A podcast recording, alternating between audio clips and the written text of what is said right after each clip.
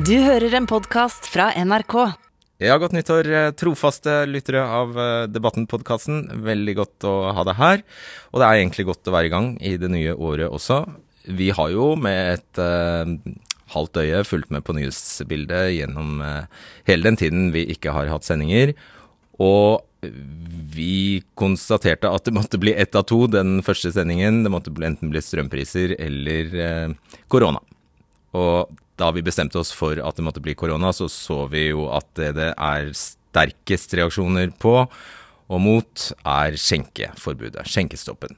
Så vi valgte det, og det, vi, det prosjektet, journalistiske prosjektet vi eh, forsøker å fullbyrde her, er å komme til bunns i, eller nærmere, eh, komme nærmere et svar på hva den faglige, medisinskfaglige begrunnelsen for skjenkestoppen egentlig er. Loven krever det, at det skal være en medisinskfaglig begrunnelse, og det er det vi forsøker å, å grave i. Ja, Så får du som lytter avgjøre om vi lykkes med det. Tror jeg bare sier vel bekomme. I år, som i fjor, går vi inn i det nye året med full skjenkestopp i kongeriket. Forskjellen er bare at det, de som var imot det den gangen, nå er for det. Arbeiderpartiet, som i fjor mente kommunene var i stand til å bestemme selv, mener nå kommunene ikke kan bestemme selv. FHI, som i 2021 trodde skjenkestopp bare ga moderat smitteverneffekt, tror i dag at det gir betydelig smitteverneffekt. Men det er én ting som er likt, og det er at ingen vet sikkert. For som Camilla Stoltenberg selv sier, det innføres bare strenge pakker uten at det forskes, og det er uakseptabelt. Velkommen til debatten. Og godt nyttår til to av dem som sørget eh, for at eh, Norge, som det eneste landet i verden, kanskje med unntak av Sør-Afrika, har fullt skjenkestopp. Helseminister Ingvild Kjerkol og fagdirektør Frode Forland i FHI. Og vel møtt til Linnea Gustavsson og Håkon Selmer Olsen, som driver restauranter. Og som derfor fikk en ganske dårlig start på det nye året, takket være disse to. Linnea Gustafsson, du er administrerende direktør i et selskap som heter Drueklassen AS. Eh, driver to restauranter i eh, Oslo. Eh, de heter Frenchy, og på, den ene ligger på Soleplass, og den andre heter Asia og ligger på Aker Brygge. Du er jo i tillegg til å være restauranteier også samfunnsborger. Kan du skjønne at det var nødvendig med denne skjenkestoppen? Nei, jeg kan ikke det. Ikke i disse tider nå. Vi har, altså, vi har vært i den situasjonen snart i to år, og per i dag så er vi veldig drillede. Og vi vet hur vi skal bete oss i smittevern. Eh, og jeg ser ikke helt hvordan eh, dette skjenketiltaket, stoppet, skal som er basert på eh, på synsing og tro, skal gi oss riktige, riktig vei. Ja, men du, du, du, faktisk så holder Asia-restauranten til et par kvartaler bortenfor det famøse stedet MDS Louise, der, der julebordet som vi alle kjenner til, hele verden kjenner til dette julebordet. Eh, skjedde. Der ble 81 av 117 eh, gjester som var på julebordet, smittet av omikron. Du kan, må jo forstå at de da fikk hetta? Ja, forstår absolutt. Men eh, det er ingen som sier at det bare er på en restaurant sånt kan skje. Altså, det viser jo også hva pandemien for, kan ha for uh. Men jag menar på de fleste restauranger, och som vi selv erfarar, så här har vi full kontroll på smittevern, og vi jobber med det hele tiden. Och vi ser også at vi er en bransch som så fort det, det sker ting, så tar vi action. Og vi er veldig anpassningsduktiga og vi tar omedelbart gjør endringer. Så at det skjedde der, det er veldig uheldig, men det, kunne, det trenger ikke bety at det har noe med restaurantbransjen i seg å gjøre. Nettopp. Eh, Håkon Selmer Olsen, du er eier, åpenbart også kokk, siden du har den fine skjorta på deg.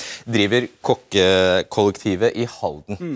Uh, og du skulle også til å åpne en pub som det ikke ble noe av pga. Ja, jeg plumpa med begge bena.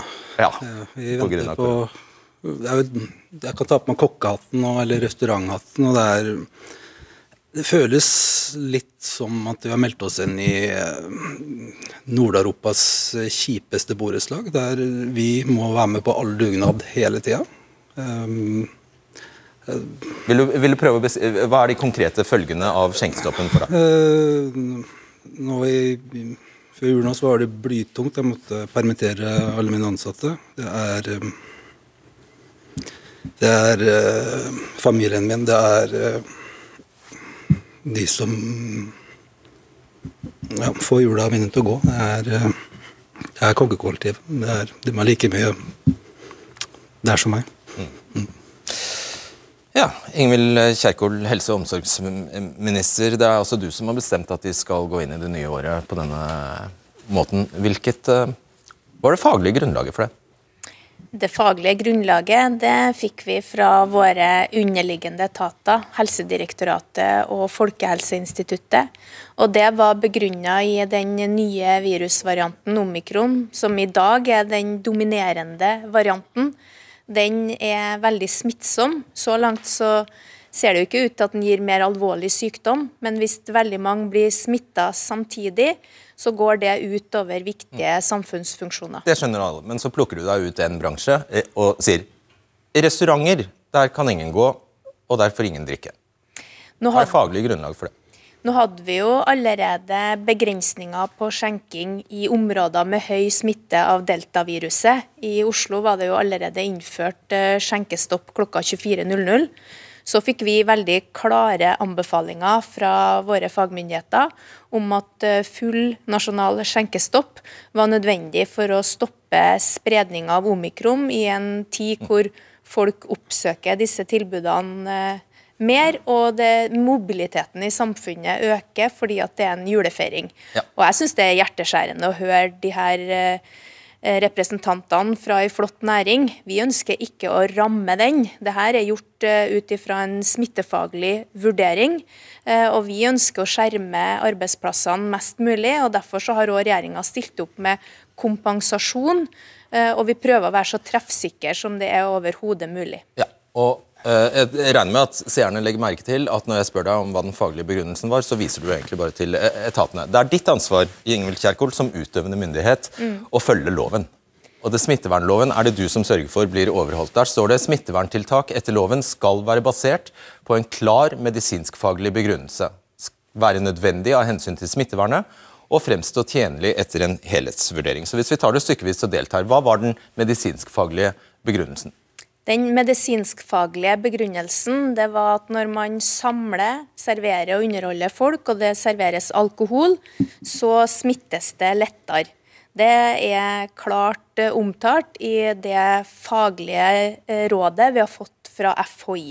Så det er et eh, medisinskfaglig råd. Det har faktisk ikke jeg klart å lese meg til, at, at det står det noe sted?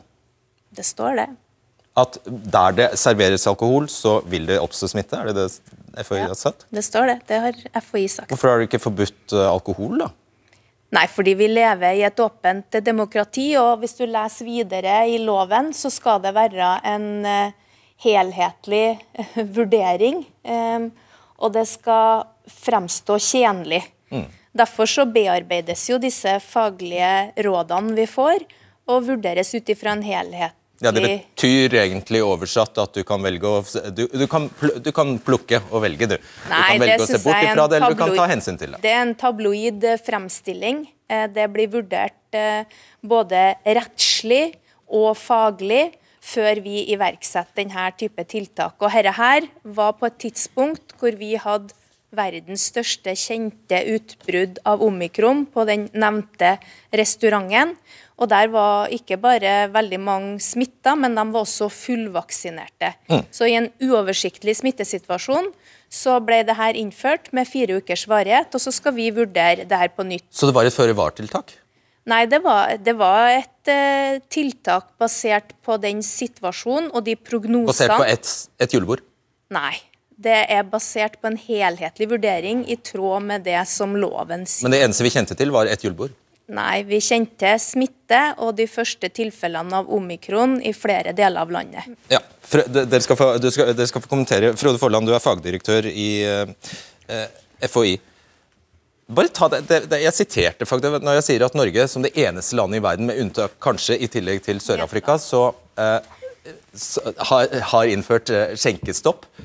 Eh, i tillegg til de landene som har innført totalt forbud mot, uh, mot uh, alt av butikkgåing og restauranter og utesteder. Norge er det eneste landet, i tillegg til Sør-Afrika, som han, Atle Fretheim i FHI, har klart å finne.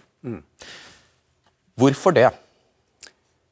Det er jo kjent at når en får mer alkohol i blodet, så blir atferden endra. Og meteren blir kortere, som Høie sa, og stemmen blir gjerne høyere. Og Hvis en er sammen med mange folk i et eh, lite rom over lang tid, og har uh, høy musikk og har uh, alkoholpåvirkning, så er det større fare for smitte. Mm. Men det, det, det, skjønner vi. Hvorfor, spørsmålet, gjaldt, hvor, spørsmålet var hvorfor er Norge det eneste landet i verden i tillegg til Sør-Afrika? Det kan hende at Norge er det som har spesifikt kalt dette skjenkestopp. Det har jo også andre land vært innom i deler av, av døgnet.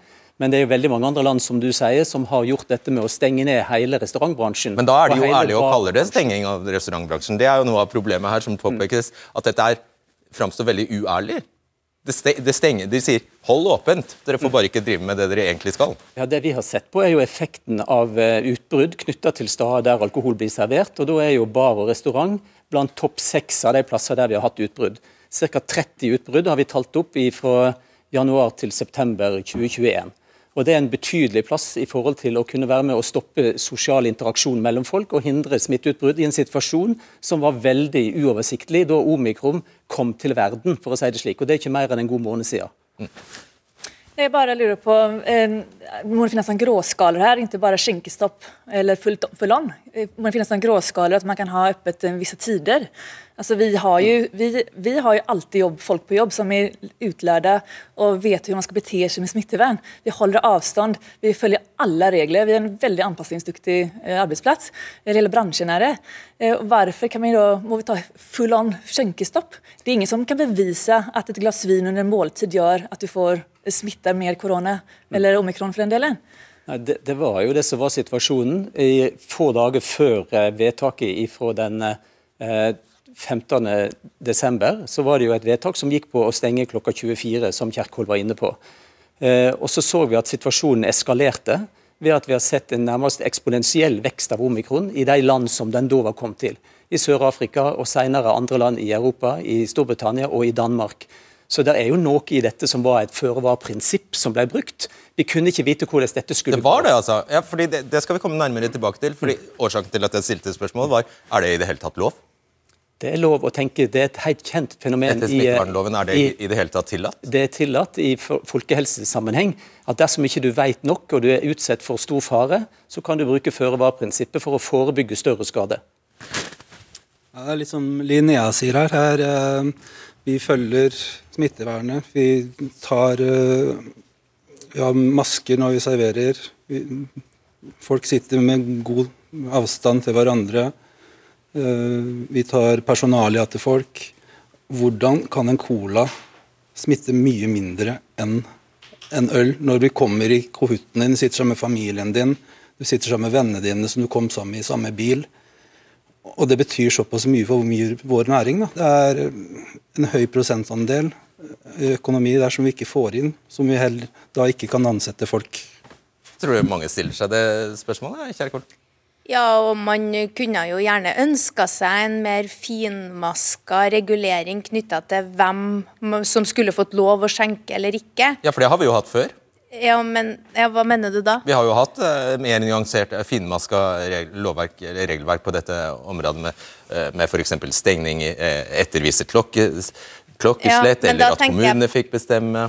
Da tenker jeg på hvilke skjenkesteder som kan opprettholde avstand ha kompetanse innomhus som gjør at man passer på situasjonen, og at man ikke skjenker noen overstadig. Det vi så, og du refererte jo til et stortingsvedtak i fjor som jeg var med på sammen med Arbeiderpartiet, hvor vi fulgte disse resonnementene om at når man serverer et godt måltid, har avstand, så er det også mulig å, å drikke, nyte et glass ved siden av det. Det viste seg jo å føre til en rekke uønska um, situasjoner hvor man uh, Hva sikter du til da? Da serverte man pølse i barer, takeaway ble bestilt til utesteder. Og det er også veldig strengt i loven at man ikke kan uh, forskjellsbehandle. Når det står på lovteksten som du hadde opp at det skal være en helhetlig vurdering, så ligger det også at det må være forholdsmessig å likebehandle aktører. Okay. Uh, underveis i pandemien har FHI villet forske på effekten av skolestenging, munnbind, hurtigtester for konserter og massetesting. Alt ble stanset. Når det gjelder akkurat denne skjenkestoppen, vet vi at det anslås at kun 1% av smitten i Oslo kan spores til utesteder. Det vi også vet, er at delvis skjenkestopp faktisk har like stor eller god effekt på smittespredning som full skjenkestopp.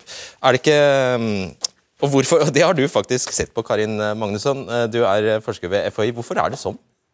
Eh, ja, vi, vi gjorde en, en, observasjonsstudie basert på registerforskning, der vi kunne eh, se på eh, serveringssteder som hadde innført eh, delvis og full skjenkestopp. Hva vil delvis skjenkestopp si? typisk til klokka ti. At man får skjenke alkohol til klokka ti. Så, da, da, så vi jo at det var eh, like stor nedgang, da, på ca. 50-60 eh, i smitte etter både full og delvis skjenkestopp. Og denne Undersøkelsen ble altså foretatt det du kaller en registerundersøkelse. Det, er altså, eh, eh, det var 1,3 millioner eh, nordmenn som var med i undersøkelsen. Oslo, Viken, store byer i Sør-Norge. Det du sier er at Nedgangen i smitte var like stor der man begrenset seg til en delvis stengning som til en full stengning. Ja, det stemmer. Mm. Og Hvordan tolker du det? Eh, ja, Det kan man tolke på forskjellige måter. Den, den, første, som man jo håper på, er jo at det faktisk er sånn at eh, delvis skjenkestopp er like effektivt å redusere smitte som full skjenkestopp. Men det kan jo òg forklares av at eh, det kan hende at smitten uansett ville gått ned, uavhengig av om man innførte tiltaket. Eh, eller det kan forklares av at eh, andre tiltak som ble iverksatt samtidig, da, var, faktisk var det som ga en ja, sånn som avstand, Det kan hende ja. årsaken var avstand, eller at folk bare fikk veldig mye mindre lyst til å gå på pub og bar. Ja. ja da det ble iverksatt en pakke med tiltak. ikke sant? Mm. Eh, så er det, har jeg skjønt, og det sa jeg jo i sted, ikke mulig å forske på mange av disse drakoniske og drastiske tiltakene. Og det fortviler, det fortviler dere. Hvorfor er det ikke det? Ja, uh, altså den studien vi gjorde er jo ikke optimal, fordi vi ikke kan utelukke andre årsaker til nedgang i smitte. Uh, og For å gjøre en optimal studie, så, så må man trekke tilfeldig da, hvilke kommuner som innfører skjenkestopp, og hvilke som ikke innfører skjenkestopp. Uh, og Det er jo det er ganske vanskelig å få til i, i praksis, fordi den norske helseforskningsloven den sier jo at man må ha skriftlig informert samtykke fra alle studiedeltakere Eh, og, og, man må jo ha ganske mange serveringssteder som man da trekker tilfeldig blant. Og det, det kan innebære at man må få eh, skriftlig samtykke fra kanskje 100 000 eller, eller flere eller millioner ja. av deltakere. Og det er igjen politikerne som har vedtatt en sånn lov, at den fungerer på den måten. Så det får de holdes ansvarlig for, da. Eh, er din eh, forskning et godt nok grunnlag for å innføre full skjenkestopp nasjonalt? Um, ja, Den rådgivningen må andre svare på, men uh, vi har gjort en studie der vi uh, gjorde ja, denne observasjonsstudien med alle sine styrker og svakheter. Så uh, jeg vil ikke vie meg noe inn på, på, rådgivningen der. Det skal du få slippe. Jeg er forsker. Ja, hva, altså Halv, delvis skjenkestopp, f.eks. stenging klokka ti, ga samme resultater som full. Hva sier du til det? Det er veldig frustrerende når det er en bransje som allerede ligger ned og vi har jobbet stenhårt siden sommer for å komme opp igjen. Eh, og vi ønsker mer tillit fra dere. Vi ønsker tillit til at vi kan gjøre vår jobb. Og vi står for trygge omgivelser. Og vi ja, tillit. Stemmer de funnene her, forskningsfunnene med dine egne erfaringer? Ja, kanskje ikke jeg skal uttale meg heller, men jeg vet er jo at der, uh, hvis vi har skjenketid, så får vi holdt masse folk i jobb. Det er ikke tvil om. Da kan vi holde hjula i gang. Med skjenkestopp så er det mye, mye verre. Okay. Jeg sier uh, tusen takk, Karin Magnusson, og så sier jeg hjertelig takk til dere, og lykke til, uh, Linnea Gustavsson og Håkon Selmer Olsen. Og Det er mange, veldig mange som reagerer på det nasjonale skjenkeforbudet. Det gjelder ikke bare næringen, men også opposisjonen, lokalpolitikere og jurister reagerer. og Du skal få møte et knippe av dem nå. Velkommen Rasmus Hansson fra MDG. Helge Hafsås fra eh, Hemsedal KrF. Og Jørund Rytman i SMB Norge. Og med oss fra Bergen har vi jusprofessor Hans Fredrik eh, Martinussen. Velkommen til dere. Ja, Rasmus Hansson, jeg tror vi starter med eh, deg, for du har eh, noe på trappene her. Hva kommer du til å gjøre i morgen? I morgen så fremmer Miljøpartiet De Grønne et forslag om å umiddelbart oppheve den nasjonale skjenkestoppen og, og, åpne for fleksible og lokale tiltak. Altså akkurat den typen tiltak som vi har nå snakket om i dette programmet. Og det vi ber om er ganske enkelt at nå må utelivsbransjen bli vist den samme tilliten som den har vist regjeringen i to år. Dette er en bransje hvor tusenvis av mennesker og massevis av bedrifter står med det ene beinet i arbeidsløshet eller konkurs. Eh, og vi har jo hørt her, og vet fra før av, at tryggheten på at så drastiske tiltak som nasjonal eh, skjenkestopp faktisk gjør en positiv forskjell, den er veldig lav. Dermed er tiden inne for å vise til et Tiden er inne for gamle litt. Ja, altså Du kan jo være morsom og kalle det gamble. Eh, jeg kaller det, Det å vise morsomt hvis, hvis Nei, det er det, er opp til deg, ikke sant. Men det jeg snakker om, er å vise en bransje tillit. Dette er folk som vet enormt godt eh, hva som står på spill. Om de håndterer en, eh, en fleksibel ordning for skjenking på en ansvarlig måte eller ikke. De kommer til å håndtere det ansvarlig. Det syns jeg eh, regjeringen burde stole på. Det er god helsepolitikk og det er god næringspolitikk. Ok, Samle opp her. Ta med oss, eh, Vi går til Bergen nå. Hans Fredrik Martinussen, det er som sagt jusprofessor ved Universitetet i Bergen. Som jurist og som professor, skjønner du, skjønner du begrunnelsen eh, som gis for nasjonal skjenkestopp? Altså, vi har ikke fått noen ordentlig begrunnelse. Det er litt det som er problemet. Vi har fått, FHI og helseministeren sier jo ikke det samme. Eh, Helseministeren sier også at de foretar liksom rettslige og faglige uh, vurderinger utover det de får fra FHI, men de er det ingen som har sett. De legges ikke fram. De foretas på bakrommet uten at noen av vi borgerne vet noe. så at det- er utrolig vanskelig å skulle vurdere om dette er rettmessig eller ikke. Det det er et stort demokratisk problem i øyeblikket. Ja, bare ta det. Altså det, Smittevernloven som vi viste på veggen her i sted, sier altså at uh, det må finnes en medisinskfaglig begrunnelse. Og så sier Kjerkol den medisinskfaglige begrunnelsen er omikron. Holder det? Nei, det gjør det ikke. Men nå sier jo eh, FHI en del mer, og det står en del mer i rapportene fra FHI. Men det er nå engang sånn at eh, de gir et fagmedisinsk råd, og så er det regjeringen sitt ansvar å veie dette mot f.eks. sosiale, økonomiske hensyn. Og det sier jo helseministeren at de gjør. Eh, Men vi vet ingenting om hvordan disse hensynene veies mot hverandre. Vi vet ikke hvor mye hensyn det tas til unge mennesker som nå eh, går ut i permisjon, som har lav lønn i utgangspunktet, og, og, og, og som eh, er de som rammes hardest av disse tiltakene. Nei, for de offentliggjør jo ikke drøftelsene. Ingvild Kjerkol, hvorfor gjør du ikke det? Nei, Smittevernloven og helseberedskapsloven også for så vidt er jo vide fullmaktslover til ei regjering. Eh, og så har jo vi kompetanse i departementet til å gjøre disse helhetlige vurderingene. Eh, og alternativet ville jo vært en annen beslutningsprosess, men det er faktisk den vi har i Norge, med den eh, parlamentarismen vi har. Det jeg ikke faktisk. Det, vi får ikke vite det fordi dere har kompetanse? Var det det? Altså, hvorfor får vi ikke vite hvordan dere har gjort vurderingene? Nei, Vi har gjort en beslutning basert på faglige råd som er offentliggjort. Hvorfor får vi ikke vite hva dere sitter og diskuterer, og hvordan dere argumenterer? Det er noe sånn regjeringsbeslutninger har blitt fatta eh, hele veien. Eh, og vi har jo gjort grundige vurderinger både om forholdsmessighet og om eh, faglighet. Og det var en veldig klar anbefaling fra begge våre fagmyndigheter.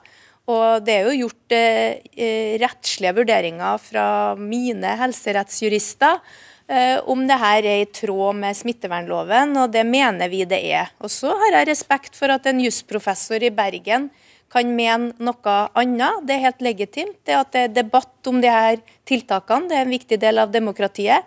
Og Stortinget har også full anledning til å gjøre sin jobb med å kontrollere regjeringa. hodet. Du rister på Jeg, jeg, får jo ikke vurdere disse tiltakene, for jeg får ikke vite hvilke vurderinger hennes jurister har tatt. Altså, det er jo dette som er uakseptabelt og et klart brudd på norsk forvaltningsrett. At disse eh, opplysningene hemmeligholdes. Altså, Støre snakker i, i nyttårstalen om, om hvor fint og tillitsbasert samfunn vi har, og så gjemmer regjeringen seg bak at, at det er lang praksis at regjeringen ikke forteller om hvilke vurderinger de gjør i den største krisen vi har hatt eh, i manns minne. og det er, det, det er ikke greit. Sånn kan vi ikke ha det. Okay. Nei, men jeg står her på TV og forteller om de vurderingene vi gjør, og de er basert på faglige vurderinger, og de er vurdert opp imot smittevernlovens formål og bestemmelser. Da, da går vi til eh, Stol på meg, sier du da egentlig. Ja, og det gjør enhver regjering i ei krise. De er avhengig av både å kunne respondere når situasjonen endrer seg, Ja. og ha fullmakter. Og så er det viktig at det er debatt om det, og at det, er, at det også blir gjennomgått. Vi har jo en koronakommisjon som fortsatt jobber, og det er en helt legitim diskusjon. Eh, nettopp siden det, eh, hun til stadighet viser til eh, de faglige innspillene. Her er noe mange ikke skjønner. Dere har i, i gjentatte ganger, nesten hele, nesten hele pandemien, så har dere stått på at eh, skjenkestopp ga en moderat antatt smitteverneffekt. Og så snur dere plutselig på hælen når dere gir, eh, gir en tilrådning til departementet eh, i 27. november. Da heter det plutselig at, eh, smitte, at skjenkestopp vil gi en betydelig smitteverneffekt. Hva skjedde? Det skjer jo det at hele tida så kommer det ny kunnskap til. Og vi har fått ny kunnskap internasjonalt. Vi har også fått denne studien fra Norge som du viste til. Jeg må dessverre si at det er ikke et godt nok grunnlag til å si at eh, en delvis skjenkestopp er bedre enn en full skjenkestopp. Det er store svakheter ved den studien, som også forskeren nevnte her, som gjør at vi på en måte ikke kunne skille ut den effekten fra andre smitteverntiltak som virker på samme tid. Og så har vi sett ifra en modellerings... Men, jeg, bare, jeg, må bare gripe Her hun, de har ditt eget institutt. Ja. Din egen kollega har gjort en forskning som viser at, som dog viser, med alle dens mangler, viser at delvis skjenkestopp ga samme resultat som full skjenkestopp. Hvor er grunnlaget deres da for å anbefale full skjenkestopp? Grunnlag, grunnlaget ligger i den samla kunnskapen som vi har internasjonalt, og det vi observerer gjennom overvåking. Og det vi har av smittesporing og kontakt med alle kommunene, og alle utbrudd som vi har gjennom hele året. Og Hva er den nye kunnskapen om alkohol og omikron som, dere, ja. som har tilflytt dere, som gjør at dere snur på hælen? Den nye kunnskapen om omikron er at vi sto overfor Om alkohol og omikron? Ja, det, det, betyr at vi måtte inn med sterkere tiltak knytta til den situasjonen vi var i like før jul i desember. Fordi at hele eh, sykehusvesenet sto for, eh, på strekk. Ja, men Nå diskuterer vi jo akkurat dette drastiske tiltaket. Ja. Skjenkestopp på restauranter, barer og puber. Mm. Det ikke omikron generelt. Hva, hvilken inf ny informasjon gjorde at dere mente at det tiltaket, skjenkestopp, gikk fra å ha en moderat antatt smitteverneffekt til å få en betydelig smitteverneffekt? Altså, vi, vi, bygger det på at vi har fått mer kunnskap og større erfaring med hvordan dette har virka gjennom utbrudd som har vært knytta til omikron. Og Det er jo noe som på en måte har skjedd gradvis gjennom at vi har fått ny kunnskap i, i forløpet av pandemien. Ålreit. Helge Hafsås, du, du, jobber som resepsjonist på et hotell i, i Hemsedal. Du kjører drosje. Også er du leder for Hemsedal KrF. Og du krever at skjenkestoppen oppheves. Det er kanskje ikke typisk KrF-politikk? Nei, altså la nå det være sagt at uh, eh, KrF sentralt og jeg har forskjellige syn. Og det må vi bare godta. Det er høy takhøyde i KrF, så det skal gå fint. Vi noterer oss det, ja. Uh, men, uh, men, eh, når det er sagt, det er veldig bekymringsverdig å stå høyere på Kjerkol. Hun gir uttrykk for at hun ikke har tillit til kommunene og eh, utestedene, som eh, f.eks. i Hemsedal, der null smitta kan vises tilbake til, til utestedene. Og det er eh, veldig alvorlig. Eh, fordi at eh, hadde kommuner med lite smitte kunne hatt egne bestemmelser hvem er det som kjenner forholdet i kommuner best? Jo, det er kommuner sjøl. Sånn argumenterte du jo selv i, i fjor, og nå, nå syns jeg hørte at du sa at det ikke Eller hva er det konkret som har gjort at kommunene plutselig ikke er tilliten verdig? Har, eh, min tillit til norske kommuner er formidabel. De har gjort en kjempejobb gjennom hele denne pandemien.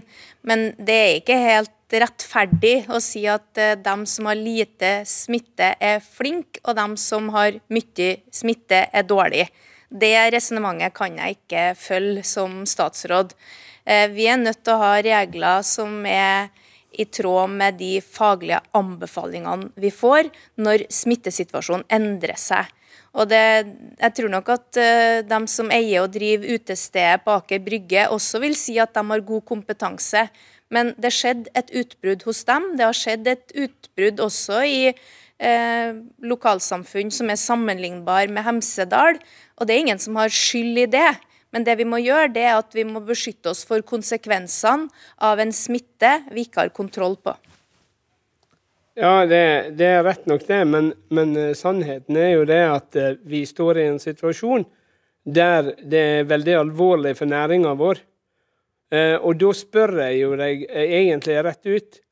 Hvis vi skrur eh, tida en måned tilbake, hadde du da tatt den, og får en ny sjanse til å bestemme deg nå, hadde du tatt den samme avgjørelsen?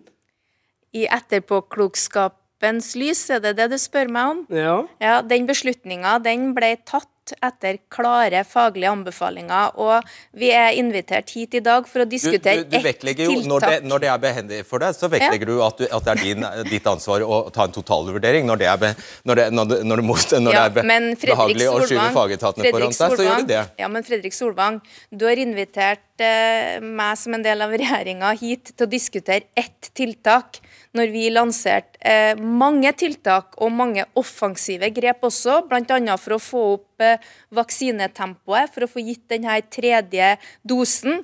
En av de store utfordringene i Hemsedal, for ordføreren i Hemsedal han har jeg ofte kontakt med. Han ringer og sier hvordan ståa er. Kollegaen din som du kjenner godt. Eh, og det her med karantenebestemmelsene er også en utfordring for dem som driver i disse berørte bransjene. Jo fortere vi får gitt den tredje oppfriskningsdosen, jo mindre karanteneutfordring får den samme næringa. Hvis smittetallene går ned, og vi klarer å beholde Eh, kontroll i helsetjenesten. og Da snakker vi ikke bare om sykehusene, vi snakker også om kommunehelsetjenesten. Og Hemsedal sin evne til å gi forsvarlige helsetjenester til alle sine innbyggere, så vil jo ikke vi opprettholde tiltakene lenger enn nødvendig. Vi skal gjøre nye vurderinger om det her. Eh, og du skal få komme tilbake i ukevis og snakke om de andre tiltakene. Ja. Vi tok dette mm. på nyåret fordi vi så, så oss rundt oss, da, og, og, spurte hvilke tiltak har ja. i løpet av jula avstedkommet sterkest reaksjoner. Og vips, her har du en debatt om skjenkestoppen. Ingvild Kjerkol. Og så sånn utfordrer du meg ja. på den helhetlige vurderinga i smittevernloven, og da må jeg få lov til å svare på den. Ok, nå er jeg med. Jørund Rytman, du er administrerende direktør i SMB Norge, som står for små og mellomstore bedrifter. Tidligere Bedriftsforbundet er dere. Stor bransjeorganisasjon, 55 000 medlemmer, mange av dem innen eh, restaurantbransjen. Dere har skrevet et brev til Kjerkol, hva står det der? Ja, uh, ja vi, vi, skrev et brev rett før, før jul til regjeringen. og vi stiller spørsmålstegn til beslutningsgrunnlaget for dette alkoholforbudet på serveringsbransjen, siden vi representerer veldig mange av ja, restauranter og kafeer og, og barer. Og vi har bedt, utfordret regjeringen på å svare oss innen 14 dager, og det er vel noen, noen dager, så jeg har ikke fått noe svar ennå. Eh, fordi vi stiller spørsmål med lovligheten av det, som jeg delvis fått bekreftet av jusprofessoren her.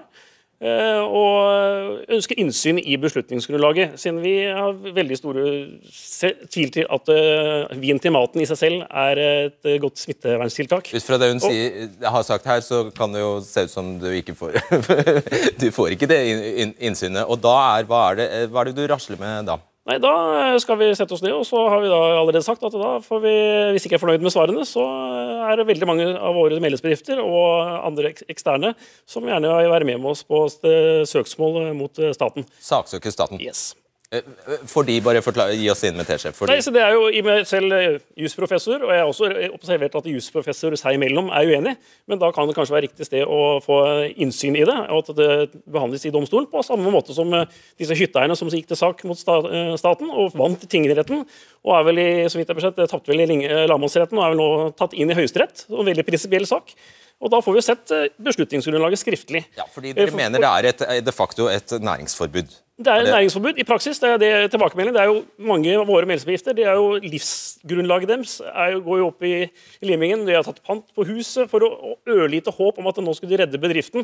Eh, og Så kommer de til julebordsesongen, og så blir det i praksis næringsforbud. og konkursbølgen har jo allerede begynt. Fordi vi nordmenn kan ikke spise uten å drikke, er det sånn? Nei, men I praksis det er det man ser. 40-60 eh, av omsetningen på en restaurant er jo basert på alkoholomsetning. Litt nedslående egentlig, det vi finner ut om oss eh, selv, Rasmus Hansson, er det ikke det? Jeg vet ikke om det er nedslående, men det som er uh, viktig å holde fast i, at det er regjeringens og det er statsrådens uh, endelige oppgave å gjøre en samla vurdering. Og Det vi hører, er at det faglige grunnlaget for å si at det ene tiltaket, det drastiske tiltaket, er veldig mye bedre enn et, for, et, et mer forholdsmessig tiltak, det er ikke spesielt sterkt. Da er tiden inne for regjeringen til denne gangen å uh, la tvilen komme næringen og de som jobber der, til gode. Uh, dette kan vi gjøre nå. Uh, det er et raskt økende flertall på Stortinget for å gjøre det. Det er ikke lenge før det blir nødt, antagelig. og Derfor er jo oppfordringen til regjeringen gjør dette nå. Berg de arbeidsplassene. og la bransjen selv vise at de klarer dette like godt som et sånt drakonisk nasjonalt tiltak Ja, Det er mange av dine egne ordførere som også begynner å bli veldig misfornøyde og utålmodige. Ja, Vi jobber med å vurdere det her eh, hver eneste dag. Vi har sagt at de tiltakene som ble innført fra og med 15.12, dem skal vi gjøre en ny vurdering av og komme tilbake eh, med det 14.1. Så det jobber vi med. Du, Martin, eh, Martinussen, vi hører FHI sier altså, eller Det ble sagt her i sted ja, fra FHI ja, dette er et føre var-tiltak i stor grad. Og så spør jeg, Er det, er det tillatelig? Er det, er det lov? Hva sier du? Ja, altså I en situasjon hvor man frykter for liv og helse, så er det adgang til å legge seg på en føre-var-linje. Eh, men man må vurdere forholdsmessigheten. Og så er det viktig da, at nå gis det veldig mange sånne at ja, men dette var noe vi vurderte før jul. Men da er det sånn at eh, etter smittevernloven skal man oppheve slike vedtak straks det ikke lenger er grunnlag for det. Så dette bør egentlig eh, helseministeren vurdere hver eneste dag. Og all ny informasjon bør på bordet, og det bør gjøres løpende vurderinger. Og det er jo ganske eh, urovekkende at ikke regjeringen viser noen vilje til å se på dette underveis. Fordi føre var-vurderinger er lov. Ja, så hun kan, for, hun kan ikke eh, tillate seg å vente til 14.1? Nei, det er et brudd på smittevernloven. Ah.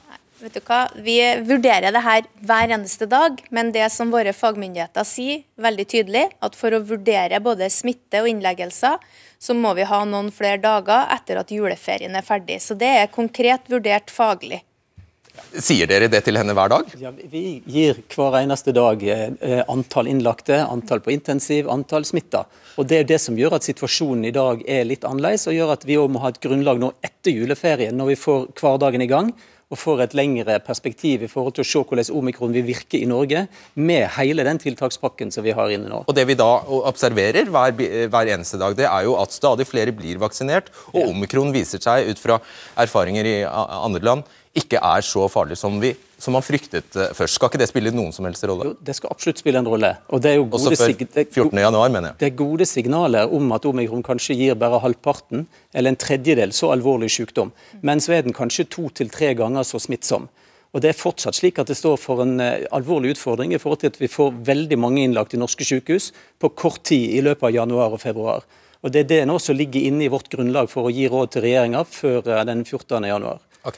Vet du hva, vi, vi, vi, må sette strek, og jeg lar dere få siste ord siden dere var i kraftig mindretall her i kveld. Takk for at dere var med. Tusen takk til alle, og takk for at du ser eh, debatten også i år. Og Vi er helt avhengig av gode tips og historier fra deg, så da kan du eh, gjerne bruke e-postadressen debatten krøllalfa nrk.no. Håper vi ses på torsdag.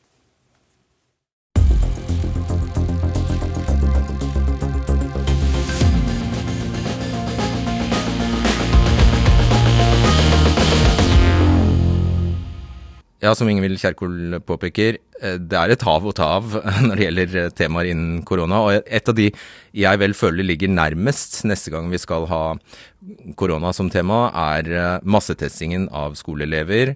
Som jo også henger sammen med egentlig utsiktene FHI samtidig har gitt oss til hvordan vi skal komme oss gjennom denne pandemien, nemlig at vi alle til slutt omtrent får omikron, har jo Camilla Stoltenberg eh, sagt. Så da er det jo mange som spør seg hva skal vi da med massetesting på skolene? Og hvorfor har ikke vaksineringen av lærerne kommet lenger enn den har? Ja, tror jeg nøyer meg med det.